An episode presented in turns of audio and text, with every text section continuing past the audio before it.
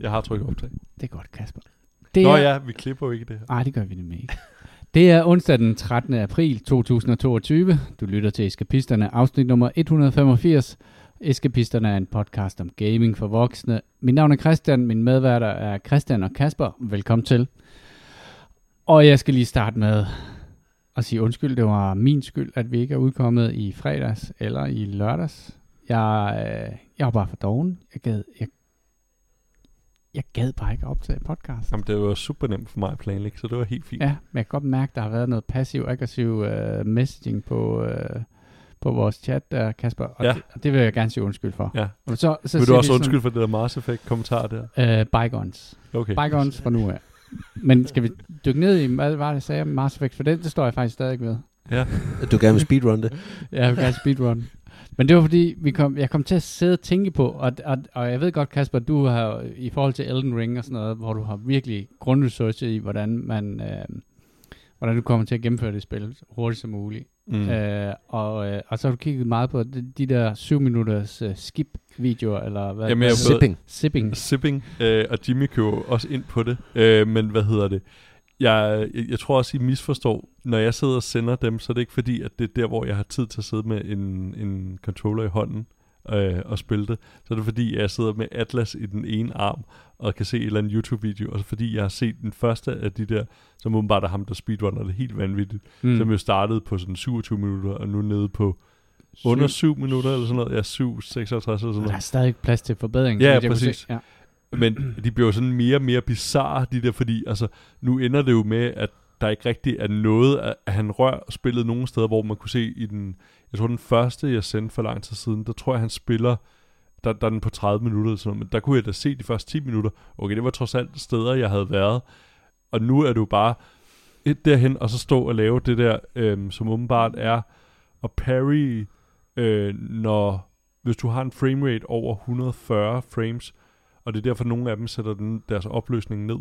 Så hvis du parryer i det 39. eller 40. frame, så zipper du hen til en eller anden Mens du lokation. går fremad. Ja, Mens du går, ja, ja, præcis. Og derfor det sætter deres framerate ned, for så har de større window of opportunity til Ja. at ramme den der timing. Men, men i min verden, Ja. og nu siger jeg det bare, der, der er det der ikke, det er ikke et speedrun. Nej. For et speedrun, det er jo ligesom ham der, øh, hvad hedder, hvad hedder han? Ham der, Zeus, where's my... Jesus, Jesus, Jeg tror, jeg, where's han my toast? Eller et hvor man andet. løber, det er fint nok, at du hopper over en bygning og ned og lander et eller andet sted, men han tog jo ligesom alle de, de bosser, man, man skulle igennem for at kværne igennem Bloodborne eksempelvis, da han Mm. spillede det. Jeg, jeg tror, det, Det er jo et sjovere speedrun at se. Ja. Jamen det der, det der, Altså, det der det er jo bare en, der glitcher ind og ud af spillet Ja, forskellige præcis. steder, indtil han får, øh, du har gennemført. ja, ja, præcis. Altså, Men- og det er jo også der, hvor han gennemfører spillet, der bliver han jo dræbt i den Ja. seneste, og det forstår jeg ikke, hvorfor han gennemfører spillet på, og det er heller ikke final boss, sådan som, Nej, nej, jeg Nej. tror bare, han får en, en win condition på en eller anden glitchy måde, og jeg, Ja. ja. jeg, jeg tænker, at fred være med det. det men jeg, i min verden, der er det et ubrugeligt speedrun, fordi Ja, ja, du kan ikke præcis. replikere det på andre platforme end PC. jamen det var, det var netop det, hvor jeg var sådan lidt, Så, okay, hvordan, Jeg giver ikke fem Ja, fede øre for det. præcis. Han kunne lige så godt være, han kunne lige så godt da- mine bitcoins, han kunne lige så godt... Ja, ja, øh, præcis. Altså, der, der er ikke noget... Altså, jeg synes jo, en god speedrun er et eller andet... Øhm, for eksempel i... Er det i Far Cry 4 eller sådan noget, hvor at hvis du vælger ikke at gøre noget, når der bliver talt til dig i starten og så videre, så har du gennemført spillet. Altså det der, hvor du rent faktisk, hvad kan man sige, er i spillet på en eller anden måde, eller netop hvis du hopper over et eller andet sted. Jeg tror også, der i det øh, første Deus Ex-spil kan du også gøre et eller andet lignende det. Øhm, det synes jeg er rigtig speedrun. Så også nogle gange, når jeg sendt de der, er bare mere for at vise, hvor bizart det er til sidst. Altså de der videoer der. Altså, ja, det, det er helt sort. Altså, jeg, det, tro- jeg troede, det var, fordi du sad og planlagde en strategi om, at det var sådan, du ville gennemføre Nej, Og, spillet. og det, havde jeg, det havde jeg faktisk godtaget, fordi Ja. there's no way in hell, nogen af os tre, der sidder i det her rum, vi kunne replikere det, han gør. Jeg er faktisk lidt fristet. Jeg overvejede faktisk at købe spillet for at prøve at se, om man kunne gøre det, fordi jeg ved jo godt, at jeg vil heller ikke synes, det var særlig sjovt, altså fordi så, så er det jo bare en, altså så er det ligesom der gennemført Psychonauts 2. Ikke Altså sjovt. Kasper, hvis jeg vil give dig, hvis du er alligevel ude der, hvor, hvor du vil bruge penge ja. På det her, ikke? så køber du en Playstation 5 og et rigtig godt headset og spillet, så og så hjælper mig og. Christian og Jimmy der med de der bosser der. Så, ja, så, så er du øh, golden. Ja. Altså, men, men det er fordi, jeg, altså, I øvrigt, jeg- jeg skal pisterne en uh, gaming podcast, eller en Elden Ring podcast om for, Elden Ring. for gamle mænd. Men, men ja, det var også det, som jeg sagde til Thomsen, at da der var jeg fremstillet, eller lagde det der vedmål på bordet Ja. ja. i sin tid, der havde jeg jo ligesom Dr. Stephen Strange i Marvel-universet. Jeg har jo set alle mulige øh, ud, fremtidstråde, der kunne udvikle sig, ja. Ja. og ingen af dem gennemførte du spillet i. Men jeg, jeg, jeg har stadig, jeg, altså jeg tror, jeg tror på underdoggen. Jeg tror på underdoggen, og jeg, Det er mig her. jeg er begyndt at skrive på den der tale, jeg skal holde uh, inde i Sølvrøde Kro, når, når vi, når vi det- rejser, uh, når vi er spiser. det er jo en sådan form for uh, McDonald's, han åbenbart bare har spist sig af. Nej, nej, nej, nej. Det, det bliver lækkert, det bliver lækkert. Ej, ja. Det bliver super godt. Ja. Det bliver super godt. Men, men øh, det vil jeg bare sige, Kasper, det synes jeg vil være en mulighed. Og så kan du også få en PlayStation 5 jo, og så kan du bruge den til at spille alle mulige sjove Marvel-spil. Hvem får jeg. PlayStation 5 nu? Jamen, det køber du selv. Nå, Det, det, det, bruger du bare lidt, altså det er jo bare det der Elisabeth vil gerne noget spise, ikke? med, ja. Så Jamen, bruger du de penge, så tror jeg, som du har brugt kigge på, på øh, cost på den der benefit i forhold til det. gourmet-restaurant, og så har du noget bagefter også. Plus du har fået en god middag. Så er det Jeg vil stadig gerne sige, stadig win-win. en pissegrim konsol. Ja, ja, ja, det, er den Men- pakker du bare ind i dit tv. Men, Men men, er men der det der, det er jo nogen heller ikke en smuk konsol. Siger jeg og prikker til Thomsen Nå, Tower. til, til det der RGB Marit, der står nede under bordet. Der står sådan en klub i pizza eller en maskine dernede og blæser. Tutti frutti maskine. sådan Ja. ser min maskine heller ikke ud, jeg gerne sige. Jeg har Yes. faktisk, øh, har faktisk overvejet, om jeg ikke bare skulle slukke for det der RGB der, fordi jeg, jeg ved ikke, hvad det er godt for. Men det er sådan noget teenage-drenge, synes jeg. er Storm på sejt. 13 er også glad for det. Ja. ja, jeg har bare ikke fundet slukknappen på det. Men der er også lysene inde i rammen og sådan noget. Der er meget lys i den her maskine der. Det er, Festfyrkeri. det er, det er, det Det er quality of life improvement. Ja, ja, men, men også fordi, når man sidder, og det er lidt koldt og sådan noget, så bliver varmer den jo godt op under øh, bordet, så man, man bliver hurtigt sådan varmet op. Der vil jeg øh, gerne når lige man sidder og sige, at sådan noget. LED-lys er ikke uh, det, der ligefrem afgiver mest varme. Nej, nej, men den bruger strøm, og det, det, det genererer varme jo, ikke? Applied mechanics, Kasper. Og hvis du en dag låner den ud til kæresten, Mechanics. og hun skal spille, og du er et eller andet andet sted hen, og hun ringer og siger, det her spil, det virker ikke, så kan du i hvert fald eliminere den der fejl med, om hun har tændt computeren. Du kan bare spørge, er der lys i computeren? Er diskoteket tændt? Det er rigtigt. Øh, Nej, det er ikke en Elden Ring podcast, du fejlagtigt har stillet ind på. Det er faktisk en, øh, en, øh, en podcast om alt muligt andet. Øh, Elden Ring og Star Trek. Men, ja. men vi er, vi er, altså, vi skal bare være, altså, jeg er også fanget i det der hul der. Jeg er blevet level 100 i Elden Ring nu. Jeg er meget stolt af. Mand. Øhm, men øh, jeg vidste også godt, at så skulle jeg begynde at kigge på noget andet, for så havde vi ikke andet at snakke om. Øhm, så det har jeg også gjort. Men, men øh, skal vi starte med lidt nyheder? Kasper, ja. du har skrevet lidt, øh, lidt guf på. Ja, øh, jamen for det første så er der Return to Monkey Island, som blev annonceret her for få dage siden, tror jeg. Øh, og en af de der rare annonceringer, hvor spillet kommer i år, uden at det så bliver sådan nærmere, øh, hvad hedder det? Nej, men er det, bliver det sådan, ved man, er det point and click, eller bliver det en 3D-shooter, eller hvad? Altså, Ja, ja. øh, jamen det, det bliver noget point and click, og øh, hvad hedder det? Det er en af forfatterne, der står bag, øh, altså der også var med på det originale. Altså en. Souls-like point and click. Ja, Souls-like. ja. Al- Er det stadigvæk med Guybrush Threepwood, eller hvad der han hed? Så meget ved jeg ikke om det. Det, det var ikke mig, der skrev den her nyhed på. Jeg, jeg har bare været sød og overtaget. Jeg kan huske, at der var en del af den der, altså jeg spillede Indiana Jones, jeg spillede, øh, hvad fanden var det, The Dick, eller sådan noget? Ja, Var det, det McCracken og Alien Zack Mindbenders. McCracken og alle de der, Det var som gode har været spil. sådan, ja, jamen, det har Men været, at LucasArts findes vel ikke som spiludvikler længere, gør de det? nej, Nej. det, det tror jeg Det er ikke. ikke dem, der udgiver det så. De, det sidste, de havde, det var, hvad hedder det? Det der Star Wars 1313 eller sådan noget. Okay. Som så virkelig vildt ud, men som så blev købt, øh, så var det EA, der tror jeg overtog eller sådan noget. Og de slagtede det projekt, men det så virkelig, virkelig lovende ud. Men, øh, hvor ærgerligt. Ja, ja. Men de havde også, altså der er også de der helt gamle, de der Maniac Mansion, hvis I har Mm. spillet dem nogensinde. ja, De er ja. fandme sjove. Mm. Jeg tror faktisk, det er noget af det første sådan rigtige computerspil, jeg spillede. Øh, Ja. de der. Men det er jo sådan noget, der tapper ind i lige vores generation, ikke? Der var det der Thimbleweed Park, Ja. ja. som øh, var, var meget sådan en uh, return to form, hvor at de tog alle de der ting der, uh, hvor man skulle sidde og combine uh, åndssvage ting, som, som ikke gav nogen mening, og så kunne man sådan ligesom brute force sig igennem spillet. Jamen, så Jeg- de der genudgivelser af Full Ja, Throttle. altså for mig eksempel. er det ikke, altså, jeg, jeg er ikke sådan vild. Jeg tænker ikke bare sådan, wow, begge hænder op i luften for at spille noget, der minder om noget, jeg spillede for 25 år siden.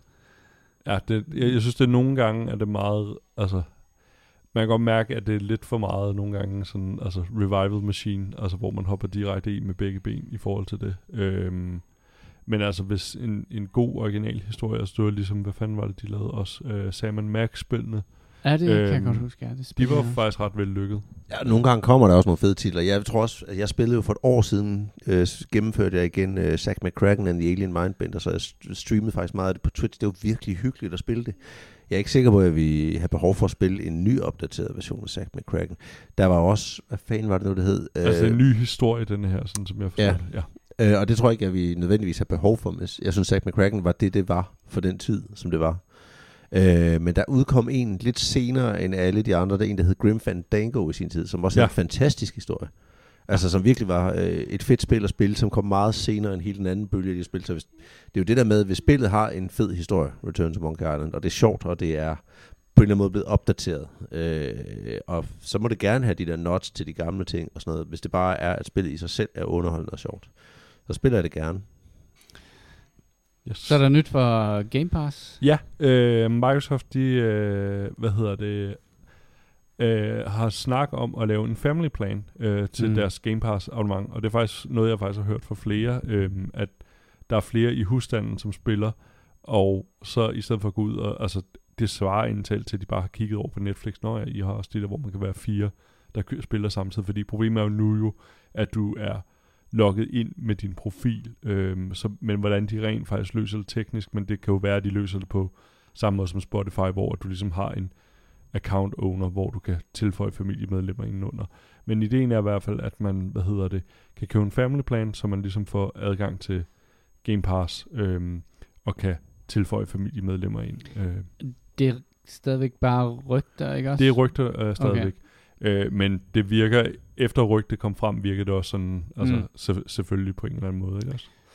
Det virker som om, at uh, Game Pass er- gode til at fange alle de der trends der, som, og, og ikke er sky for at ligesom sidde sådan, den konservative ville sige sådan, jamen, det kommer til at koste os penge Sony. år. Øh, og der, og der tror jeg bare, at de har en helt anden indstilling til det. De ved, jamen, det, det kommer bare til at betyde, at flere vælger vores øh, buffet. Altså, i det, for. det gennemsyrer jo, altså, jeg tror også, jeg har snakket om det før, men det er jo meget en del af Microsofts nye strategi omkring det der med rent faktisk, hvad kan man sige, at sætte sig over på den anden side af bordet, og rent faktisk være meget åben, også for open source. Øh, altså, som Microsoft-medarbejder kan du nu også, altså, have en Mac og arbejde hos Microsoft. Altså, det, jo, det virker jo helt grotesk for, for få år siden. Men det virker jo som, at Microsoft virkelig har embraced det. Altså, det kan jo se, hvad kan man sige, hvad jeg arbejder professionelt med, når jeg arbejder med Microsoft-produkter. Men også her, så, så det virker, altså, det, det virker bare logisk, og det, det synes jeg på en Der er måde meget har- goodwill i det. Ja, præcis. Og, og, og derfor kan man sige, hvis man skal være markedsførende med et eller andet, ikke, så, så hjælper det faktisk ikke at være sådan et lukket økosystem. Nej. Mm. Når du siger arbejde professionelt med Microsoft-produkter, er det, når du spiller Elden Ring på PC? Ja, Når, du, når, du, når du bare giver den gas. ja, præcis. Ja. Ja. Når jeg sipper igennem det. Øh, tak for den, Christian. Øh, ingen podcast uden en Star Trek-nyhed. Ja, og, og jeg ved, I alle Så sammen... drikker jeg lidt vin, imens du Ja. snakker. Så er der Jamen, løl. Så I kan nyde det. Skål. Øhm, Star Trek øh, Picard, sæson 3. Mm. Ja, Åh, oh, det var en god det var en god nyhed. øh, jamen, der er mere til den, end bare det, øh, jeg siger Star Jamen, Trek altså, Picard. Delen. Kom med det. Øh, det er resten af The Next Generation Crew kommer med øh, i den tredje sæson, som også bliver den sidste desværre. Øh, det vil sige, at Lever Button øh, kommer tilbage som George LaForge, og Liver Burton. Hvad? Burton. Tim Burton? Liver Burton. er dårligt til at udtale hans navn. Sagde du ikke Button? Nej, jeg sagde ikke Burton. Nå. Nå. Vi spoler bare vi kan Yes. spole tilbage Ja, podcasten. præcis. Ja. Så kan I håne Kasper i kommentarfeltet. ja, meget gerne. Øh, og Michael Dr- Dawn øh, tilbage som øh, Worf, og Gage McFadden, hun vender også tilbage som Hvad Dr. du? Beverly Cross. McFadden? Ja, den er, den er god nok. Ja. Okay. der er korrektur derovre fra. Øh, og det, der er jo så interessant med, at hun vender tilbage som Beverly Crusher, det er, kommer, hvad hedder det, Will tilbage. Will Wheaton. Ja, Will. Øh, men nej, det gør han faktisk ikke. Og det har han faktisk skrevet om på sin blog. Der er så, så der er faktisk lidt øh, drama øh, tilbage for The Next Generation. Øh, han, han skriver faktisk, at han meget gerne vil være med i det.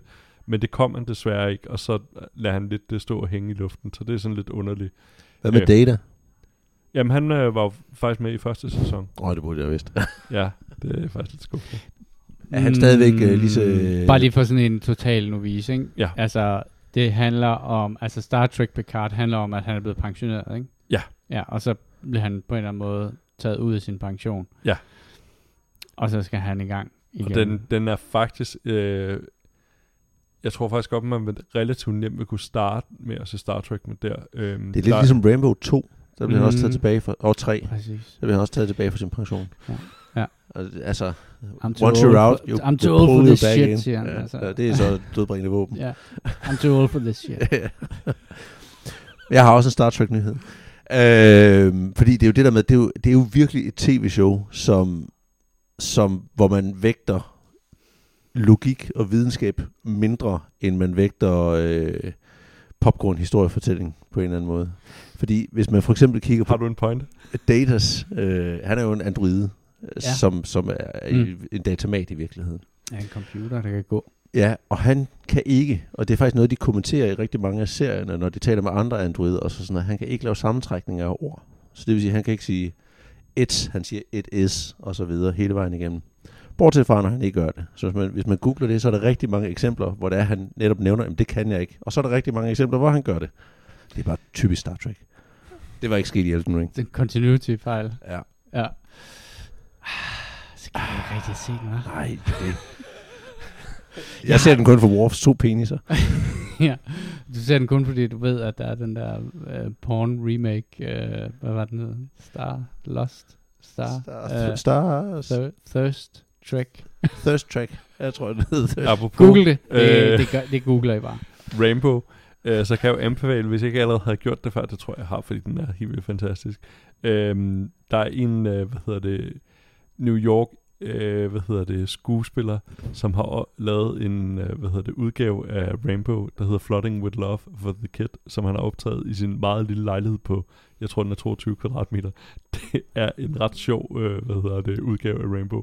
Og så er man, den er fuldstændig latterlig flere, nogle, nogle steder sådan, altså tydelige paint-animationer, så er den faktisk ret, man bliver grebet af den på en eller anden måde. Han lever sig virkelig ind i den. Det er, det er en ret fascinerende ting at se. Den hedder Flooding with Love for the Kid. Jamen, der var også nogen, der lavede sådan en øh, tilsvarende en Lord of the Rings genindspilning med alle mulige latterlige props hjemme i deres stue, som Jamen, også det- er virkelig sjov. Jamen, det, det sjove ved den her er, at han, altså, han tager det virkelig seriøst. Han elsker den der bog, og han prøver virkelig at formidle den med de jeg tror, han har brugt 100 dollars i budget, eller så videre.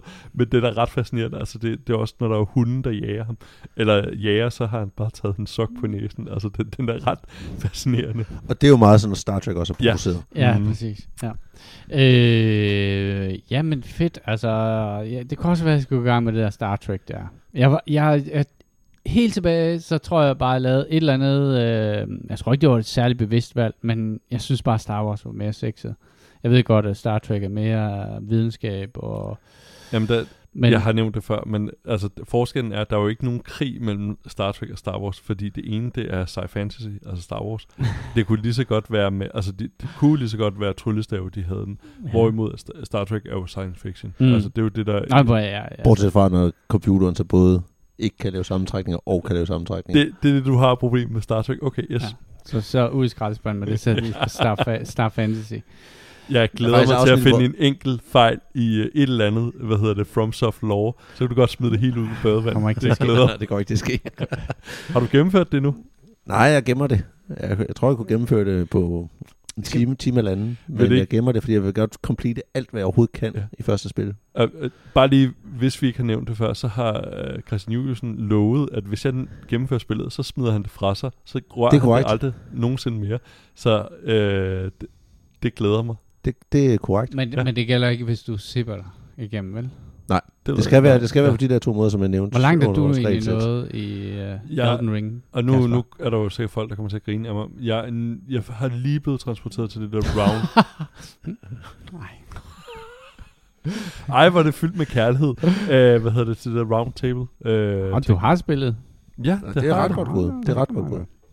Det er, meget, det er så fint. Og det tror jeg, altså det er jo sådan et sted, som, som kommer, det kommer det ikke rigtigt til, men en lille smule fungerer det som dit quest hub, og okay, der du kan ja. upgrade ting. Og, altså, det kan du også tidligere i det der Church of Marika, som du finder, hvor der sidder ham der julemands. Ja, der er det der... Der jeg kan du lave dit der- våben til ja. plus 3, tror jeg. Ja. Men i Roundtable kan du ligesom køre dem hele vejen. Men Okay. Kasper, kan du lide det? Altså, kan, eller, er det, eller er det bare blevet forgiftet af alt det der spite, som kommer fra Christian og mig? det er dels en motivation, men jeg, det er dog, hvad kan man sige, mit store problem, og som, altså, jeg jo har lidt svært med, at det virker nogle gange som, også jeg, at I nogle gange er lidt, hvad hedder det, som at det er Elon Musk, der står og snakker, og hvad kan man sige, uanset hvad han gør, så er det jo genialt, altså den jeg også sagde den forrige, det der med, hvis X-knappen havde slettet, så havde det bare været øh, get good.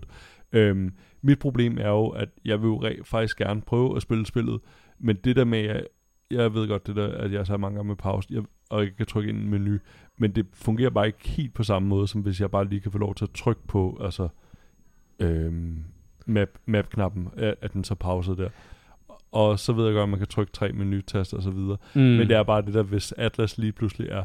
Så det, det er det, der gør det lidt svært for mig at spille. Så derfor min nye strategi er, at jeg ligesom prøver at finde en eller anden måde, og det har jeg fået lov til af Jusen, som jo også siger, det er en måde at spille spillet på, at man bare, hvad kan man sige, buffer op og finder et eller andet og farmer. Så det, det er jeg i gang med nu. Så jeg har lige været henne og finde, hvad jeg har fået. Jeg har fået den der, øh, som mange anbefaler, der er den der stomp, hvor man kan f- lave is, som åbenbart er blevet debuffed, men så er der den øh, stomp, hvor man laver et sådan flammehav eller sådan noget. Den har jeg fundet ved at slå den der skildpadde ihjel, der er usynlig skildpadde. Og så er jeg nu ved at, hvad hedder det, ved at gå hen og høre nogle ulve hyle, så gå tilbage til start merchant, øh, som siger, øh, Nå, men så skal du gå hen og knipse med fingeren, så kommer min ven hen, og så starter den questlog, hvor jeg så skal nord på kortet for at finde et eller andet, der gør, at jeg bruger færre focus points, når jeg bruger øh, den der øh, fire øh, ting der. Så nu, øh, nu Nå, men det lyder jeg som om, walk du through er- det. Ja. Øh, men Det er altså ret godt gået, det synes jeg. Men, Øh, men det er jo men her... det er jo det, det samme måde, og det, det er jo derfor, øh, øh, hvad hedder det, øh, Thomsen kommenterede tidligere i dag, hvor jeg faktisk var tæt på at svare noget meget bittert øh, tilbage omkring, øh, fordi jeg postede den seneste af de der idiotiske sipping-videoer der, om øh, han vil gerne gennemføre Mars Effect, som jo står mit hjerte meget nær, øh, speedrun det. Undskyld. Øhm, men hvad hedder det?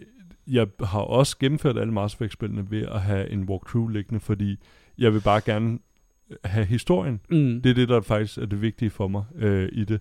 Øhm, og jeg synes, Men det at synes jeg faktisk heller ikke, der er noget galt i. Nej. Altså, jeg, jeg har også øh, tjekket, hvor jeg har ikke mærkelige- tid til at lave den der Nej. exploration, Nej, nej. altså som... Men det synes jeg kunne- heller ikke, der er noget galt Nej. i. Jeg spillede det første, den første, de første mange timer i Elden Ring blindt, og har også slået nogle NPC'er ihjel, som havde nogle questlines, som jeg så ikke får kørt til ende, og fred med det. Fordi i Det tager du i EU Game Plus. Det gør jeg nemlig. Ja. Øh, så det er, hvad det er. Men der er så noget punkt ind, hvor man ligesom kunne mærke, at nu begyndte der at være nogle ting, hvor man havde lyst til at det. Og så læste jeg der også op på nettet og øh, undersøgte, hvad det, hvordan jeg skulle komme igennem nogle forskellige questlines, og hvor jeg skulle finde nogle bestemte ting. For Og jeg synes nu jo har heller ikke, nu jeg bare have alt. Altså jeg have alt i spillet. Og jeg synes jo heller ikke, der er en dårlig ting i det, fordi for mig er det jo lidt som, og hvad hedder det, jeg holder mig generelt væk fra forum, netop fordi jeg synes, det er lidt som at læse Elon Musk-agtigt nogen, altså folks besættelse Men det der med at gå ind og læse de der Wikipedia, hvad wiki-ting, der er om Elden Ring og så videre, Ja, extra jeg- life something something. Ja, ja. de hedder Hvor- det der. hvor jeg rent faktisk kan gå ind og få noget baggrundshistorie. Jeg synes jo er vildt fascinerende, fordi det er det samme, når der for eksempel er et eller andet med Star Trek, eller, eller øh, tilfældigvis med Star Trek med Expanse, når man rent faktisk går ind og får uddybet, hvad det er, fordi den seneste sæson, tror jeg, eller også var det femeren af The Expanse, øhm, der var min kone ret forvirret over et eller andet, hvor jeg var sådan, okay, hvor husker jeg ikke øh, omkring det her, men så er det fordi, at den historie, det er noget, der fylder ret meget i bogen øh, omkring det, så jeg synes jo, det er vildt fascinerende at få uddybet. Og den questline, jeg er i gang med nu, hvor jeg hører den der uld hyle, og gå tilbage øh, til ham der Merchant, det opdagede du, Thomsen, tilfældigt. Øhm,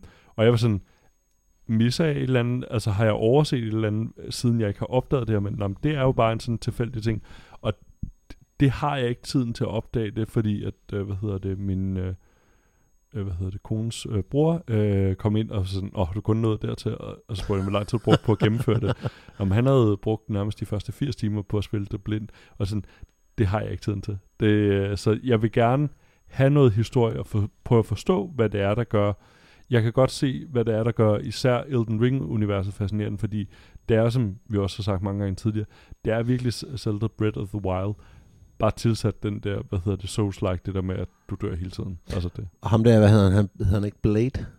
B-L-A-I-D-D? Blythe. Jo, Blythe. Ja. Blythe. Han er der ulvemanden. Ja, han er jo faktisk, øh, jeg tror det er Rannys meget skygge. øh, lys stemme, ja, i forhold til, at han er Han er sej. fem men det er alle de der demigods børn, og alle de demigods, de har alle sammen, de her børn af dem, de har alle sammen sådan en shadow, som er deres højre hånd, deres mercenary, som aldrig forlader deres side, som Deres hjælper finger. dem i alt, som gør alt for dem. Mm. Og han er Rannys, Littlefinger. ja.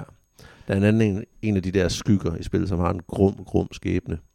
Alle har en grum skæbne. Og det er ham, der blandt andet er ham, der sidder op og tager imod de der døds Ja. ting, som du serverer ham for. Altså, jeg vil sige netop, det som fangede mig i det her spil, var det der med, at du kan blive ved, altså du behøver ikke at hamre din pande op i, imod den samme mur. Du kan bare vende om, og så kan du gøre noget andet. Og det har jeg i vidt, vid udstrækning gjort. At, altså, jeg er gået til et eller andet andet sted hen, og så har jeg levelet op, og så har jeg fået blevet stærkere, og så er jeg kommet tilbage, og så har jeg klaret den.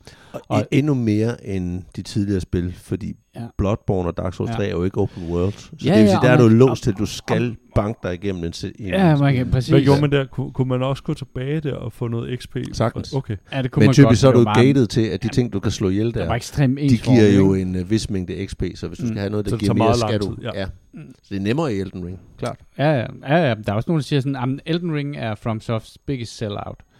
Og, det, og det har det sådan, det, altså jeg ved ikke, om de nogensinde har, altså jo, jeg tror da, at de har haft meget sådan en nicheværdi i at være dem, hvor at, øh, der ikke bliver givet noget som helst ved, ved, ved døren.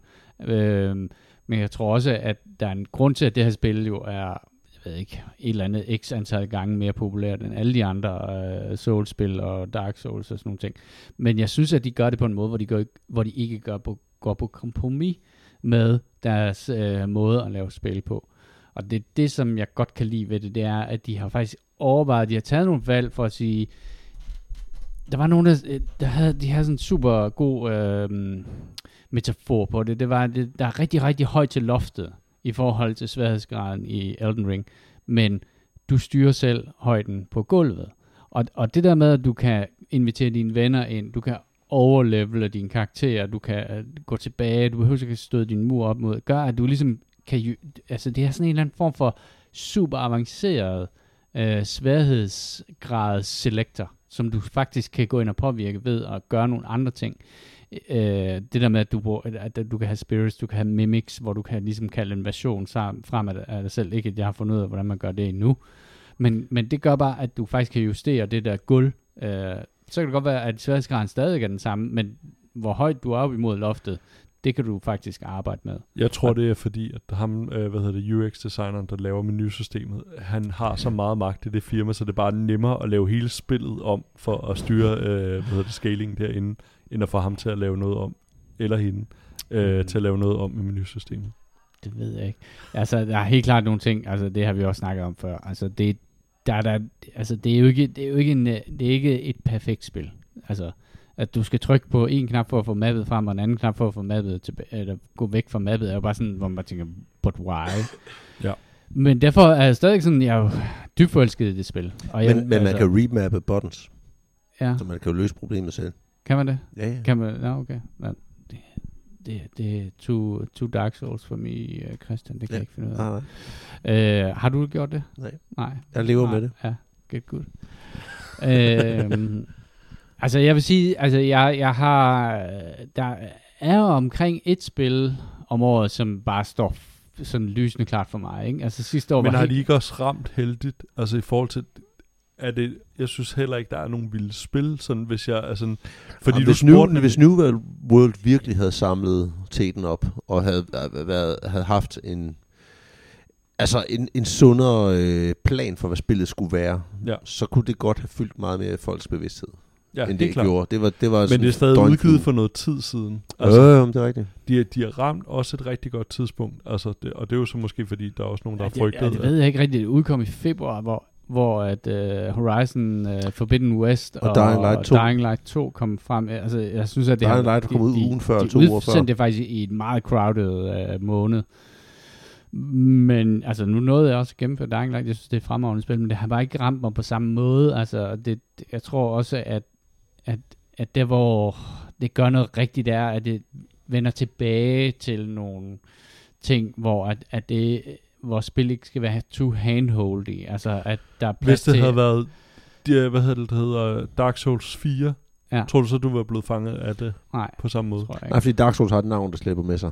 Ja. Nej, men lad, lad os sige, hvis det, det ikke havde været det der open world, det er vel også det, der gør det til Ja, ja, ja, et meget ja. større spil nu. Helt sikkert. Altså, det er da helt klart Men selv hvis Dark Souls havde på. været promoveret som open world, så tror jeg ikke, det havde fået lige så meget følge på, fordi Dark Souls har en Nej, historie og en... Jeg Det- tænker mere på, altså det der vel også har gjort, at det er blevet et så stort spil, og så kan man kalde det sellout, eller hvad man vil, er vel også, at de rent faktisk har lavet open world. Det gør det jo tilgængeligt for flere personer, fordi det giver jo en eller anden form for... Altså, Ja, men de har lavet open world på en måde, som, som Ubisoft ikke laver open world Ja. på. Og, og det der med, at de ikke er bange for, at man øh, faktisk skal ride et stykke, uden der sker en skid.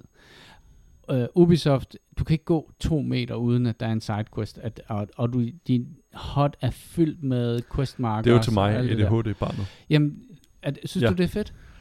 Øh, det kommer an på, hvad det er. Altså, øh, Men det var ikke fedt, altså, jeg, jeg tror bare, de, altså, det, i Zelda, for eksempel Breath of the Wild, mm. Der var jo ikke sådan quest markers heller. Den, Nej. der skulle du også lave din egen quest marker. Så det aktiverer bare mig på en helt anden måde, end det der med, hvor man bare kan sige sådan, okay. Ja, men det og også det sammenligne Og når du kan se en struktur i det fjerne, så kan du rent faktisk ride derhen, og så er der et eller andet. Og Ja, du, så bliver du ja. fanget i den loop af alt, hvad der sker i det kan du område. også i, i, uh, i uh, Ubisoft-spil til en vis grad. Men, men det er mere det der med, at du ikke har sådan en præcis markering af, her er troldmanden, der står på bjerget. Her er du, du, du, du, du. Som gør, at det bliver en mekanisk rejse, hvor at du i virkeligheden, hvor rejsen ikke føles som andet end træls ventetid. Hvor at i Elden Ring, der føles rejsen som en, en mulighedsrum, hvor at du kan Stress. ja, jeg er bange for at blive øh, ganget. Ja, Øh, ja, ja, og det, og det er jo sådan, det, kom, det er jo nok sådan, det er jo meget temperamentsting, tror jeg, men for Men mig jeg tror så- også, det er to forskellige ting, fordi hvis jeg tager et Ubisoft-spil, øhm, altså så er det en helt anden oplevelse, jeg forventer at gå ind til. Så forventer jeg, altså jeg forventer heller ikke fantastisk filmkunst, hvis jeg går ind og ser en, øh, hvad de nu er nået til at Jeg har spillet Marvel-filme. mange Ubisoft-spil og er glad for dem. Ja, ja, Jeg men synes- det er stadig ja, noget andet. ja. Jeg, jeg forventer ikke at gå ind og ser en, hvad hedder det, kunstfilm, når jeg ser, øh, tager er et Star Ubisoft. Trek. Mm. Eller undskyld, Mm. Ubisoft. Mm. Nej, men altså, men det er jo bare det der med, at det er kunstfilmen, som bliver hængende i bevidstheden bagefter, ikke? Mm. Altså, det der med, at du har set en fed actionfilm, du har haft det sjovt, du har spist din popcorn, du har drukket din sodavand, du, du ved, vi har grint, og, og så er det glemt bagefter, ikke? Og der synes jeg bare, at sådan et spil som Elden Ring, det, det linker i din bevidsthed Ja. på en anden måde. Og det er jo det der, altså det kræver mere af dig, men det giver også mere af dig, eller til dig. Og, det- og det kan, og det, der synes jeg faktisk, at Elden Ring er i det der spil, hvor man bare sådan, hvad fanden er han? Åh, det er sådan, åh, ligesom, du ved, det er irriterende, at jeg ikke ved, hvorfor at ham der, øh, hvem Altså, er det- hun det er jo- egentlig, hende der sad ved den døde ulv og sagde et eller andet mærkeligt til mig. Altså, jeg, synes måske, at det er sammenlignet, altså Elden Ring, hvis vi skal tage filmverden, som jeg tænker, mange også måske har nem, også har en god måde at lave reference øh, på, fordi det var jo, hvad kan man sige, mediet før computerspillene ligesom kom frem. Altså, det vil også, øh, ligesom Christopher Nolan, altså han laver, hvad kan man sige, skiftevis nogle meget nemt tilgængelige film på en eller anden måde, altså Batman-filmene, men så havde han jo indimellem øh, Inception og hvad, altså, hvad var den nyeste hed? Nå, den der tidsrejse. Ja, Tenet. Som jeg ikke så. Ja, Men den, øh, jeg synes jo er vildt fantastisk øh, film. Altså rent, er der noget filmteknisk i det? Altså den måde... Jeg giver den med dig, hvis du ser den, Christian. Mm. på Mac. Føler den ikke rigtigt. Så skal det fandme være god med det. Nej, men det, det, det, er jo... Man kan jo synes om, hvad det vil, men Må jeg det ikke er, bare se jo, end credits? Tæller det? det er jo noget andet end at... du kan hoppe direkte til den der chapter. Øh, men det er jo på en eller anden måde noget, der er altså en... Noget, hvor der er lidt, hvad kan man sige, det kan noget mere, end det bare er en Marvel-film. Altså, Mm. Der, der er selvfølgelig noget chubang i den og så videre, men der er også noget historiefortælling, som, som kan et eller andet, og det er det samme, synes jeg, med Elden Ring. Det synes jeg jo gør det vildt fascinerende, fordi jeg synes, jeg prøvede for første gang for mange år siden, blev intros, øh, var der en, der, øh, hvad hedder det, en ekskærestes øh, bror, der spurgte om, hvad fanden er det her for spil, og så prøvede jeg det, og så synes det var vildt frustrerende. Men Hvis Hvad var det for et spil? Øh, det var det første Dark Souls, tror jeg. Okay.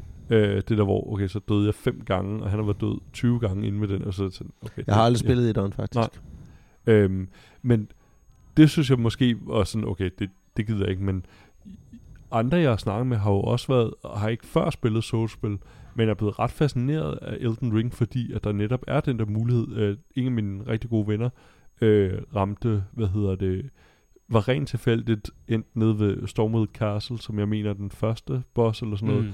Men han har, han, han har nærmest ikke spillet spillet, men han var tilfældigvis gået den vej og endt dernede.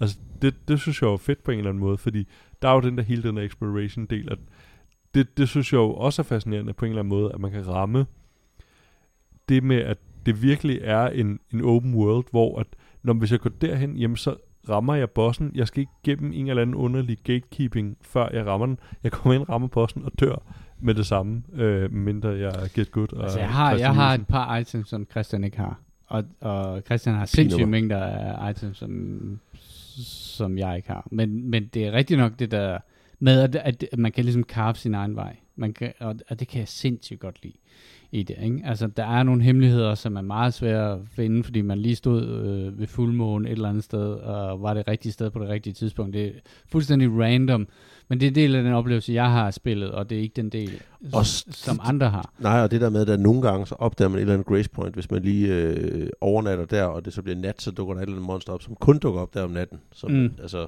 Mm. der, der er bare nogle ting, er ting i det der Holy fuck, det er godt vanvittige op. Jeg, jeg synes, det er vanvittigt godt spil. Glæder til næste Elden Ring podcast, venner. øh, men vi har spillet noget andet. Bare roligt. Bare roligt. Christian, eller hvad hedder Kasper, du har spillet, du fortsat med at spille Crying Sons. Ja, jeg kan godt gennemføre spil, og det har jeg gjort. Har du gennemført det? Ja, jeg har gennemført Crying Sons. Så, det er mere end jeg har Fik du gjort. noget at spise for det? Nej, det, det, det, gør jeg ikke. helt Nej. på egen regning. Ja, Det er de bedste, øh, det er Ja. de bedste oplevelser. Mm. Mm. Det man gør af lyst, og ikke af... Ikke for at komme på Noma. Nå, I hørte det her nummer. Er det åbenbart, at vi kommer på, øh, vi gennemfører Elden Ring? Det ser jeg frem til. Det er godt. Øh, hvad hedder det? Nej, øh, jeg spillede øh, Crying Sons videre. Man kan godt mærke, at det for en, en lille udvikler, det beder lidt ens form, at man støder på nogle af de samme quest og, hvad hedder det, øh, random encounters. Men jeg synes stadig, det var rigtig sjovt, og jeg kunne godt lide historien. Jeg synes, den var ret fascinerende. Altså, den, den smagte meget af Foundation og, og Dune i sin, hvad kan man sige, grundhistorie. Så var der, går ind og nogle gange læser, hvad, hvad, hvad folk siger, så var nogen, synes, writing uh, is bad, og så videre.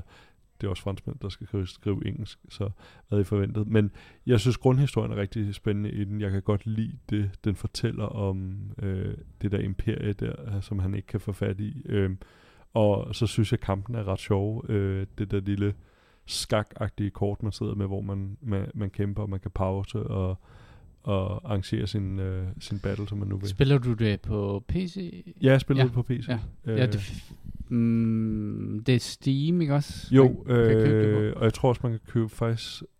Nu skal jeg lige passe på, hvad jeg sidder og siger, men det... Jeg siger det alligevel. Jeg tror også, den er til Switch. Øh, men det, det er det gennemførte jeg, og øh, jeg var rigtig øh, glad for det. Jeg synes, det var en rigtig, rigtig god historie, Okay. og et underholdende gameplay i det. Det er det spil, som jeg har liggende i min Steam Graveyard. Øhm, og jeg, Du kan jeg, jo revive ja, den. Ja, det kan jeg gøre.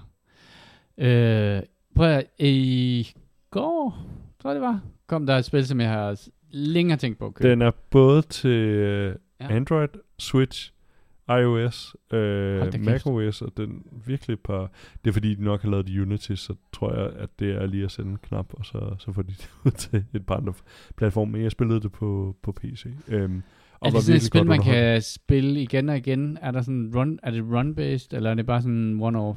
Øh, det er run-based, så du kan godt, altså du kan ende med nogle forskellige slutninger, man kan sige, hovedhistorien er den samme, men der er mange forskellige skibe, du kan få, øh, som du låser op undervejs, og så er der forskellige, hvad hedder det, øh, hvad hedder det, generaler, du kan have på, øh, på, på broen, som giver nogle forskellige effekter.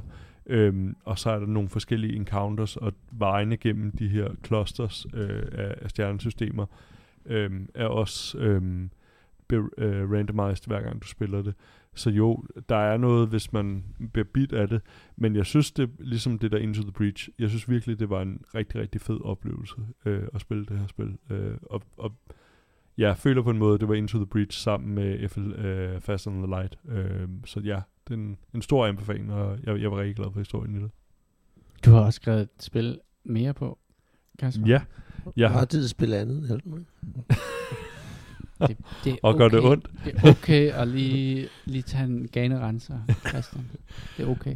Øhm, jamen, så har jeg også kastet mig ud i et mindre spil, øh, Hex Logic, øh, som jeg faldt over, fordi at øh, jeg havde en gang, jeg tror det næsten, det må være 25 år siden, eller sådan noget, der var et gammelt shareware-spil, der også hed et eller andet med hexa, hexagon, eller et eller andet, øh, som var sådan noget matematisk udregning af det. Og det her er et sådan sudoku-agtigt spil, øh, med hexagoner, øh, så det er ikke den helt vilde oplevelse. Jeg jeg sad og spillede det en time eller to, men øh, så, så var det heller ikke sjovere, synes jeg. For eksempel Sudoku var sjovere, eller et eller andet. Så det, jeg troede, det var et andet spil, end det var. Det var, det var i virkeligheden en, en form for sudoku, tal Sudoku. Er det, var det på telefonen? det var på? PC, jeg også spillede Okay, det. okay. det. Det er en stadig en del af den der Ukraine-pakke, der jeg hiver spil op fra. Oh, hvor mange spil var der i den?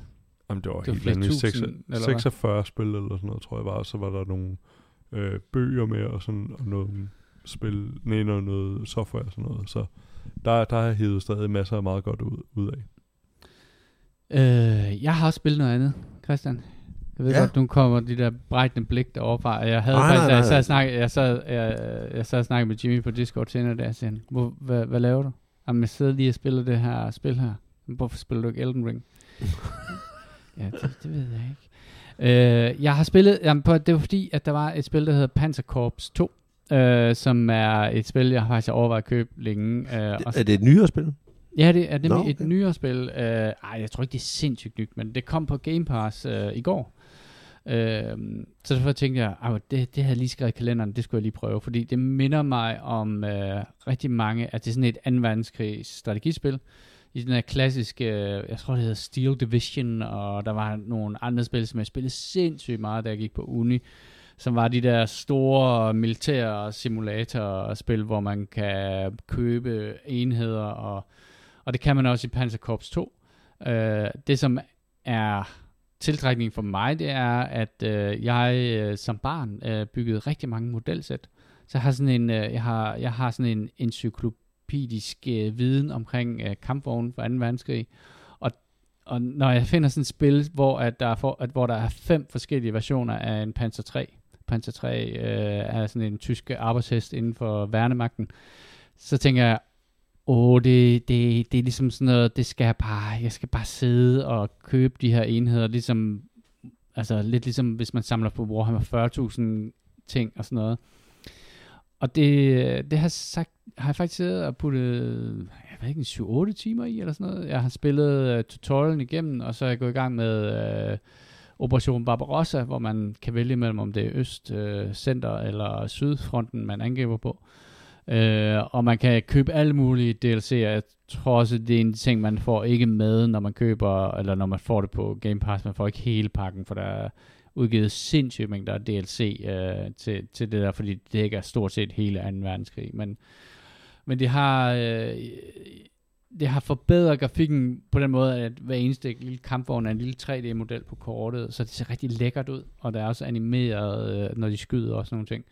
Men i bund og grund er det jo det samme sådan strategiske sådan slash taktiske øh, spil, hvor man spiller en mængde af scenarier. Man har sådan, man vælger en general, og så vælger man nogle, nogle, nogle ting, han er god til, og nogle ting, han er dårlig til.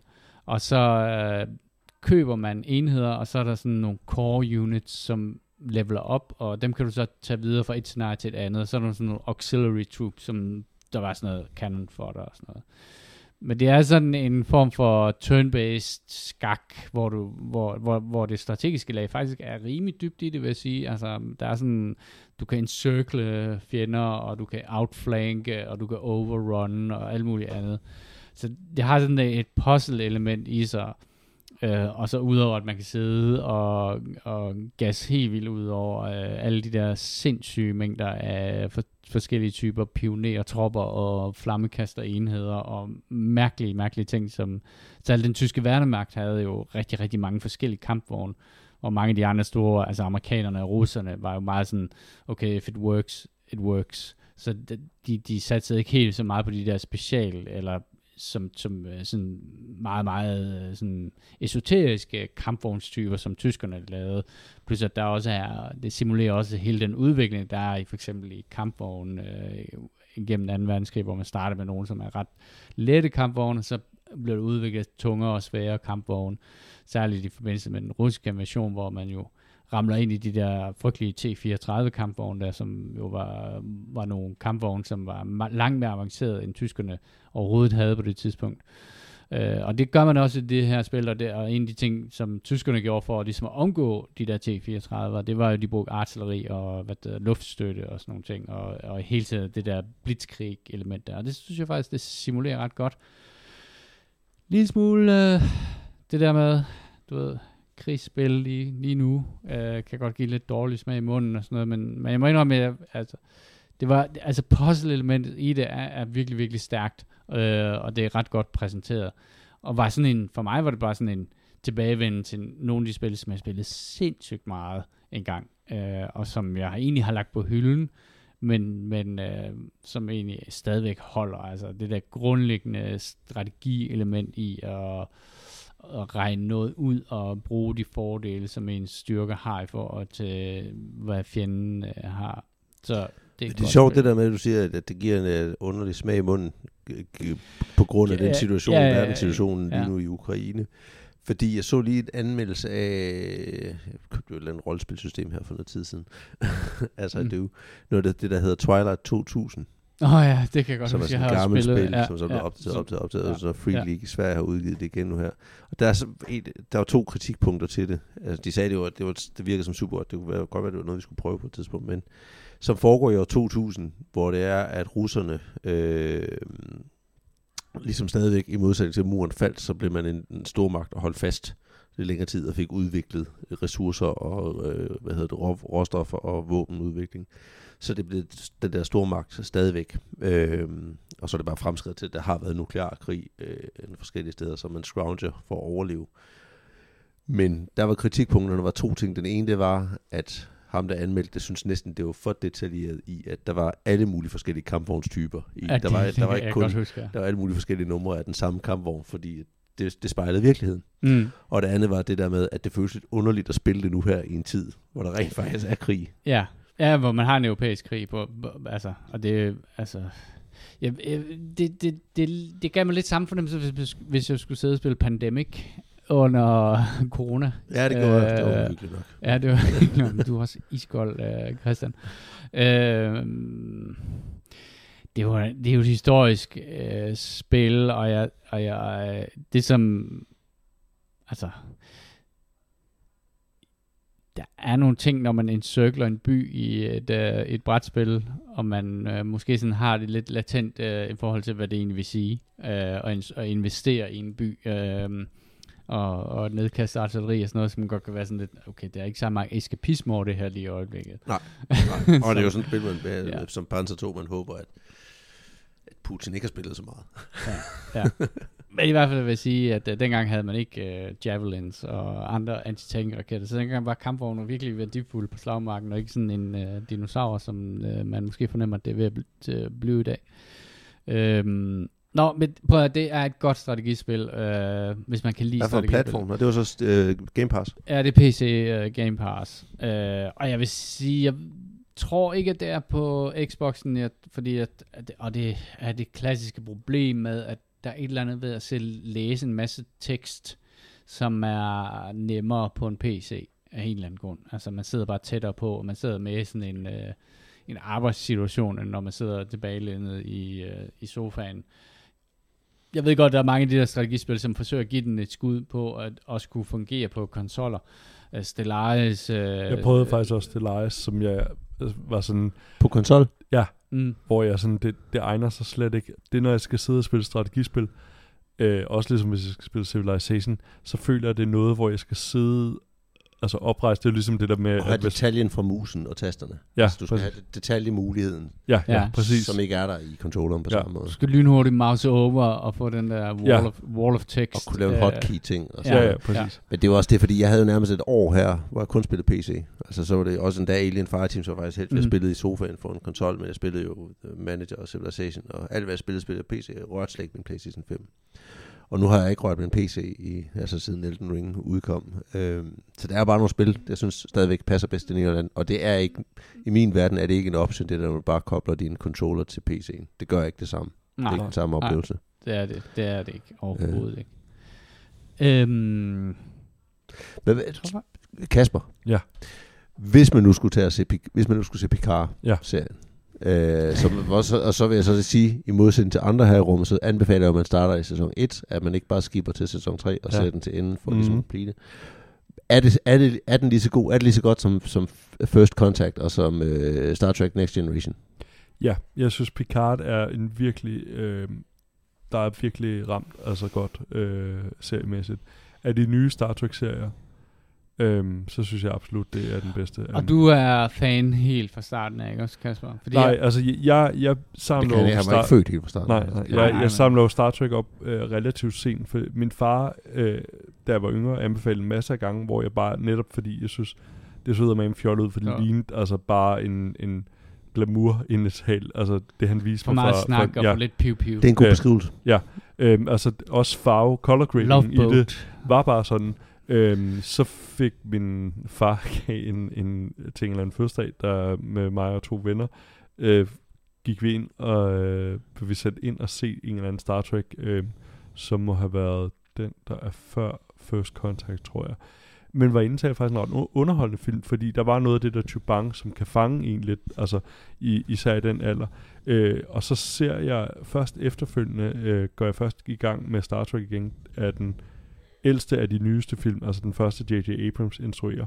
Øh, og efter jeg ser den, bliver jeg fuldstændig fanget af Star Trek, så kaster jeg mig i gang med, hvad hedder det, Enterprise-serien, som rigtig Trekkies jo siger, at så er jeg ikke en rigtig Star Trek-fan, hvis jeg godt kan lide den. Men den gør faktisk, at jeg bliver Altså så... The Next Generation. Nej, øh, altså Enterprise-serien, den der Nå, hedder okay. Enterprise, den der var kørt fra 2001 til 2005. Den tror jeg faktisk, jeg er fuldt med i. Den, og den er ret interessant. Men det er jo ikke med Picard. Det Var med det det? Jonathan Nej, det Arthur. Next Generation, der Ja. var Picard. Nå, Det er den, jeg har set. Det er den, det er nok det, også den, jeg alle har set. set. Det, det er også det, der bliver betegnet som the golden era of, uh, of uh, Star Trek. Øhm, men så ser jeg Enterprise-serien og beder, altså, øhm, jeg var i tvivl om, da jeg skulle tilbage og læse, øh, jeg vidste godt, at jeg ville læse noget naturvidenskabeligt, men Star Trek er faktisk det, der gør, at jeg vælger at læse fysik. Øh, jeg bliver... Øh, jeg bliver så fascineret af det, så det er faktisk det, der gør, at jeg, jeg vælger at læse fysik som af, af naturvidenskabelige uddannelser. Øh, jeg, jeg overvejede. Øhm, og så efterfølgende har jeg bare altså, set virkelig meget, læst øh, hvad hedder det, også flere bøger omkring det. Så Og- indirekte er Marina Sirtis skyld i, at du har læst fysik. Nej, det er faktisk ikke hende. Øh, Diana Troy. øh, det er til Paul i stedet for. Nej, øhm, jeg synes, altså jeg kan, og grunden til, at jeg godt kan lide Star Trek, altså dels er der, man kan sige, noget politisk overbevisning omkring, jeg Det er det at de går ikke så meget op i de tekniske detaljer om ting.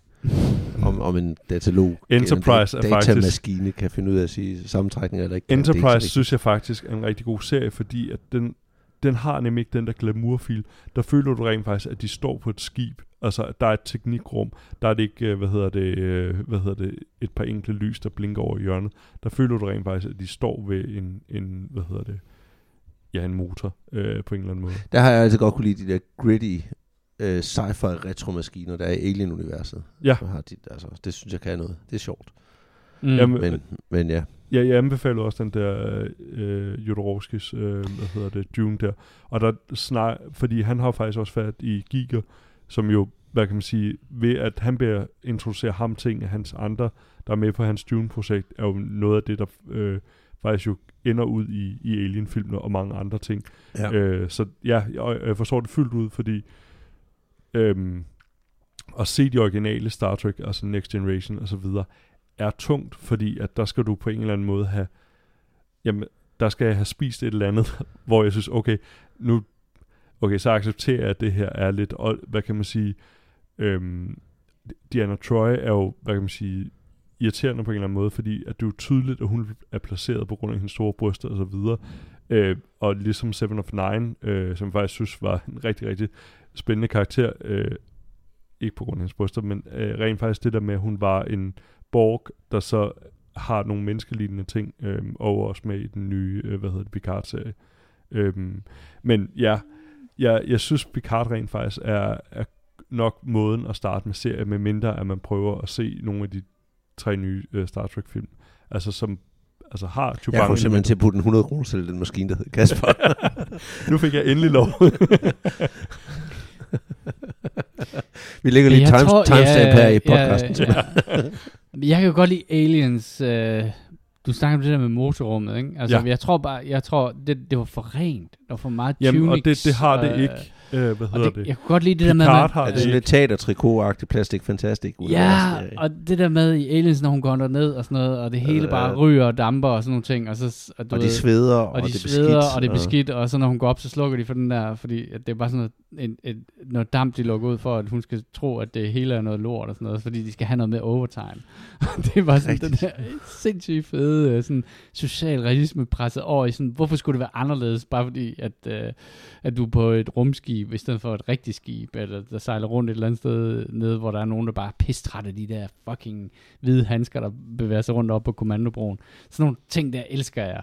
Og det følte jeg bare ikke, at man havde på samme måde. Jeg ved ikke, hvad havde ham der, den ilter i og der, der siger, just can't do it, captain. Ja, det var de helt gamle. ja, ja, og det, dem så jeg faktisk også, når jeg ja. kom hjem fra skole, så jeg tænkte, åh, du ved. det var Captain Kirk og Spock. Og der ikke var flere Arne Sandblade, jeg kunne læse.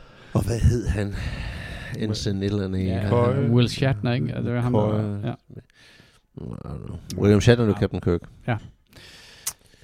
Vi skal til et ret stort øh, afsnit i dag omkring anbefalinger. Jamen, du har, du folk har, har jo ferie nu, så jeg vil ligesom... Hvad, ja, jamen, vi har luft, starter, vi har ja. luft, vi har pludselig fået lidt luft op Præcis. i hovedet, vi kan indtage Så, så kan vil jeg ligesom give viden. nogle forskellige muligheder. Uh, den første af min anbefaling, det er, uh, hvad hedder dokumentaren, der hedder Trust No One, The Hunt for the Crypto King, som er på Netflix, øh, som handler om en kanadisk øh, kryptobørs, altså hvor man kan handle med forskellige krypto, øh, hvad hedder det, valutaer, øh, hvor at ejeren bag det øh, pludselig dør, øh, og så, hvad hedder det, kan ingen få sine penge ud.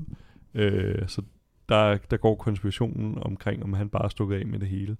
Det er en sådan, øh, jeg ikke kan sige for meget om, fordi det er en, hvor man ligesom skal være med på rejsen, hvor at, øh, hvad hedder det, udforskningen sker. Øh, den synes jeg i hvert fald var rigtig underholdende, og også sjovt, fordi at øh, den udstiller også på en eller anden måde lidt de der crypto bros der. Øh, så den, øh, den, den synes jeg er rigtig, rigtig god. Den ligger på Netflix. Jeg har, jeg har, sådan, jeg har faktisk en anbefaling. Jeg skulle lige skyde den ind her, Kasper, før du tager den næste. Det er en, øh, en, en YouTube-film, øh, som jeg bare faldt over øh, i går, øh, som hedder Two Years Alone, I, uh, Building a Log Cabin Like Our Forefathers. Det er øh, en, øh, en gut, øh, som øh, i løbet af to timer øh, på en, en YouTube-film bygger sådan en, øh, hvad hedder det, træhytte øh, et eller andet sted, som jeg tror er et eller andet sted i den nordlige Kanada. Og det tager ham to år, og så har han filmatiseret det hele, og han siger ikke et ord på noget tidspunkt.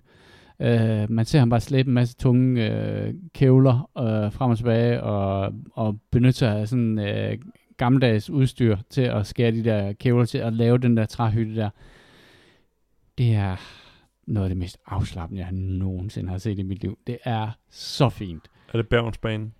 Ja, det er slow tv, når det er aller, aller, allerbedst. Og øh, der er sådan en byggeting, hvor man sådan, oh, okay, nu er han i gang med taget. Og, så, og nu overnatter han øh, for første gang i sin hytte, og det er sådan, nu er det blevet efterår, kan man godt se på træerne og sådan nogle ting. Det er sindssygt fedt. Øh, og øh, virkelig, virkelig godt filmet. Jeg er ret sikker på, at udover at han er en øh, virkelig dygtig tømmer, så har han nok også øh, fået en eller anden undervisning i, hvordan man laver kameravinkler og sådan noget. Han filmer også noget af naturlivet omkring det og sådan noget. Så det er bare sådan, det bliver sådan en meget sådan stille fortælling om en mand ude i skoven, som bygger en hytte. Øh, utrolig afslappende. Jeg har set uh, en time af den indtil videre, og jeg glæder mig til, at jeg skal se den uh, sidste time. Er det alt det, I gerne vil have, alene i Vildmarken var på DR? Altså ham der, han vil vinde alene i Vildmarken, altså med 1000 meter uh, forspring foran alle andre, altså fordi han, han er simpelthen så iskold, altså han, han kan godt lide, han, han siger ikke et ord på noget tidspunkt. Hvis det var mig, der skulle sidde og flytte sådan en meget stor sten, jeg, jeg er sikker på, at der ville flyve alle mulige ord ud af mig. Øh, og, og du vil lave fire timer før og fire timer efter, hvor du fortæller om det. Den ja, men jeg vil jo, altså, jamen, jeg, jeg, jeg, jeg vil jo tale til de der tunge trækkævler der, og fortælle dem, øh, hvem der var boss, eller du ved, banen og sådan noget. Men han er stoisk i sin øh, tilgang til det der, og det er, ej, hvor er det bare lækkert at se på. Altså, det, jeg, vil, jeg vil bare sige, altså, hvis der er nogen, der har brug for at få deres puls lidt ned, og få stressniveauet i orden, så bare stille og roligt sæt det på, og så bare sidde det og kigge det. Det er, det er balsam. Det er balsam for uh, sådan en uh, urban uh, sjæl, som, som, som vi jo er, ikke? Uh, og, og man kunne godt tænke sådan, ej, det kunne være dejligt, men det er også mega hårdt. Man kan se, at han er sådan lidt choppy i starten, og så efter et år og sådan noget, så er han jo med bare hugget som en bodybuilder. altså, fordi han jo laver alting med sådan en, en lille hakøkse og, og bærer de der træstammer igennem uh, skoven og sådan noget. Det er rigtig crossfit. Det er rigtig crossfit, og det er virkelig, virkelig afslappende underholdning. Han har garanteret ikke en main bun. Han har nemlig ikke en manbånd. Det har han ikke. Han, er, han har et, uh, misundelsesværdigt kraftigt hår, men, men, uh, men han, er, han er stille og rolig tømmer. Ikke noget pis der.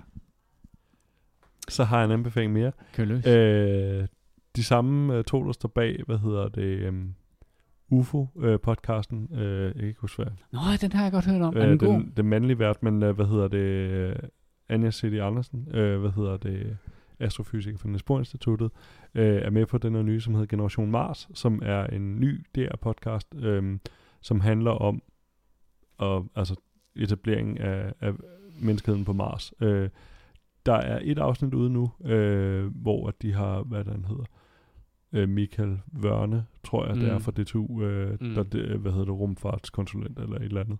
Men det er en virkelig interessant øh, podcast, hvor de netop snakker om, hvad skal der til, for at vi kommer derop, og altså alt det med, op, øh, hvor skal vi leve hen, bliver det som kubler op, eller bliver det nede i jorden, øh, og leve som huleboer, og hvad kan man sige, de fremtidsperspektiver ind i at, øh, hvad hedder det, kolonisere Mars. Øh, virkelig interessant øh, podcast allerede, synes jeg, efter første afsnit. Øh, de, de har nogle kapaciteter med, øh, og hjælper nok også, når man har Anja øh, med som øh, medvært. Det, det gør, at man kan hive lidt øh, kapacitet ind, når man øh, interviewer.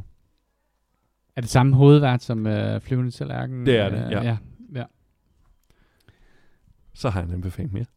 Kom med den. Det er også for Statsradiofonien.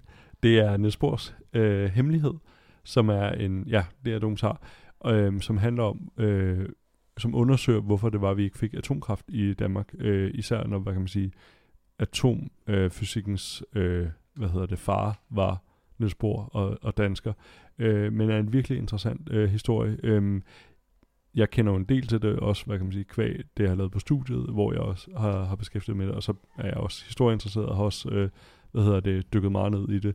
Men det her åbner også nogle andre perspektiver op om, omkring historien. Øh, jeg er to afsnit inden, jeg mener, der er fem eller seks afsnit, øh, men jeg synes, det er en virkelig interessant historie øh, om, hvorfor det var, at vi ikke fik atomkraft i Danmark. Øh, og det er jo, hvad kan man sige, hvor de også kigger på, at jamen, øh, de lavede rent faktisk øh, øh forsøgsanlæg i Norge øh, og inviterede Danmark med til at deltage i det.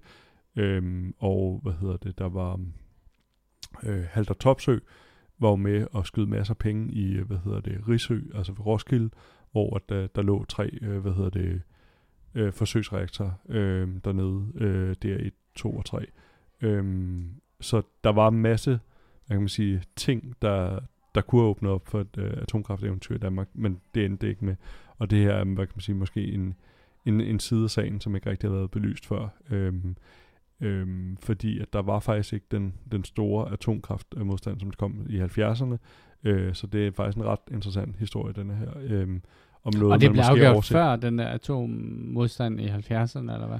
Ja, der er i hvert fald nogle, nogle ting ja. i denne her, som de, de i hvert fald øh, sætter lyset på, som måske kunne have haft en ret stor indflydelse for, hvorfor det er, vi ikke, øh, hvad hedder det, kørt mere på øh, dengang. Øh, det er en rigtig, rigtig interessant historie, mm. øh, som jeg i hvert fald ikke har hørt før. Der er i hvert fald ret mange nye ting. Og så er der jo ellers masser af gode øh, skud ud fra Niels Instituttet, så det, det jo også godt. Du har en mere, Kasper. Det har jeg. Hvis man gerne vil væk fra, fra sofaen eller lignende, så er der, øh, hvad hedder det, øh, ja, det, det kunne ske. Men øh, hvi- hvis man ligesom skal overtage resten af familien, så på DAC, øh, der er der en... Øh, Hvad er DAC? øh, Danmarks Arkitekturcenter, tror jeg den hedder. Øhm, der har de en øh, udstilling, der hedder A Space Saga, øh, hvor at man kan få lov til at opleve, hvad hedder det, det rummodul, de lavede i den, øh, jeg også anbefalede tidligere, den der hed 60 dage på månen. De der to øh, rumfartsarkitekter, der lavede deres eget øh, rummodul, som de så i stedet for at teste første gang ude i haven og ude i en, øh, i en stor fryser, så testede de på Grønland. Øh, men der kan man rent faktisk få lov til at gå ind i modulet og så opleve, hvor lille det modul var. Øh, og der er også nogle... Øhm, resten af udstillingen er ikke så vanvittigt interessant. Den, de kunne godt have gjort lidt mere ud. Der, er- der er meget luft, og der er ting, der ikke helt fungerer, men øh, bare det at få lov at gå ind og opleve det modul fra den, hvad hedder det, dokumentarserie, øh, der synes jeg var øh, ligesom det hele værd. Øh, det er meget småt, øh, og man, man, man får Claus, når man står derinde. Så har jeg lige en anbefaling her på faldrevet, fordi jeg tænkte, der var ikke nok anbefalinger i dag. Øh, den YouTuber, der hedder Vatividia, har lige øh, releaset en øh, 30 minutters, den første lore-video, der kommer fra ham på Elden Ring. Øh, den kan jeg varmt anbefale. Jeg har Er det en, hørt- der har lavet lore-videoer før? Han har lavet lore-video på alle Dark Souls-spillene og Demon's Souls og Bloodborne, men han hoppede ind i det. Jeg tror, han startede, hvis jeg ikke tager helt fejl, da Bloodborne kom, og så backtrackede han lavet de andre tidligere Ja. også. Øhm, og han har udsendt en, som er 30 minutter lang, og det er ikke The Complete, det er ligesom bare første kapitel i den, som starter helt fra Til den der baggrunden af. store bog på Yes. 60.000. Og det er, han er sindssygt øh, god fortæller. Det er smør for ørerne. Øhm, så det, det kan varmt anbefales. At du, jeg lyttede til en podcast, som hed Fireside. Fireside Den har jeg ikke fået lyttet til endnu, den skal jeg have lyttet til. Den er faktisk meget god. Jeg sprang ind, øh, da de begynder at snakke om Elden Ring. Ja. Men man kan, mm, man kan lytte til, jeg tror særligt Bloodborne, hvor de snakker om loren og game mechanics og sådan nogle ting. Og det er jo, det er jo ret vildt. Det der med, at de har en, en øh, jeg tror de har 150 afsnit eller sådan noget, hvor de kun snakker om Bloodborne. Mm. Øhm, den er velfortalt, og de har nogle gode, behagelige stemmer og sådan noget, og, og de har også en god humor omkring det. Øhm, Men jeg, jeg har godt hørt om Vata Vidya, Vata som er, det er ham, øh, ham, der ligesom er lawmaster på, på alle de der ting. Ja, det er han jo blevet, fordi faktisk, da Bloodborne udkom, var det jo en, der hed, ham vi snakkede tidligere, også en, der hed Redgrave, der ligesom havde den, og dykkede ned i alle de der detaljeniveauer, og lavede nogle sindssyge øh, YouTube-klip omkring nogle af tingene, og lavede en 120-siders afhandling om det. Men det var Hvordan har Redgrave taget faldet for tændingen? Jamen, jeg tror, han gik ned med depression, faktisk. Oh, og han, okay. slå, han slukkede for sin kanal, var, muntre der er aldrig kommet livstegn fra ham siden Wow, i, øh, okay. den, i cyberverdenen. Men var til Vidia, han, der var lidt en, en online beef, som ikke mellem de to, men mellem følgerne af de to, hvor ja. Man ligesom sagde, var til Vidia bare tog alt det content, som Redgrave han publicerede, og så gjorde han det nice og spiseligt og kommercielt og lækkert fortalt. Og det er der måske en lille sandhed i, men han har jo så videreudviklet og simpelthen kørt hele serien igennem på, okay. på egen hånd. Så varmt, jeg, jeg har jo stor hjerte for begge to. Jeg troede, det, det skulle være sådan rigtig hyggelig øh, humoristisk omkring. Nej, nej, det. nej. Han er, var, ja, han er formentlig skudt sig selv, Kasper. Tak for den. Tak for det. Og med, Og de, med de ord. ord, øh, så, så runder vi af for i aften. Øh, husk, at du kan finde os på eskapisterne.dk og alle de andre steder, man finder sin podcast. Du kan skrive til os, det kan du gøre på vores øh, Gmail. Det er escapistpodcast at gmail.com, hvor du kan komme med forslag til spil eller spørge os om et eller andet. Og øh, det var alt for denne udgave af Eskapisterne. Hvis du synes, at podcasten er god, så del den endelig med dine venner på vegne af Kasper Christian og mig selv. Tak fordi I lyttede med.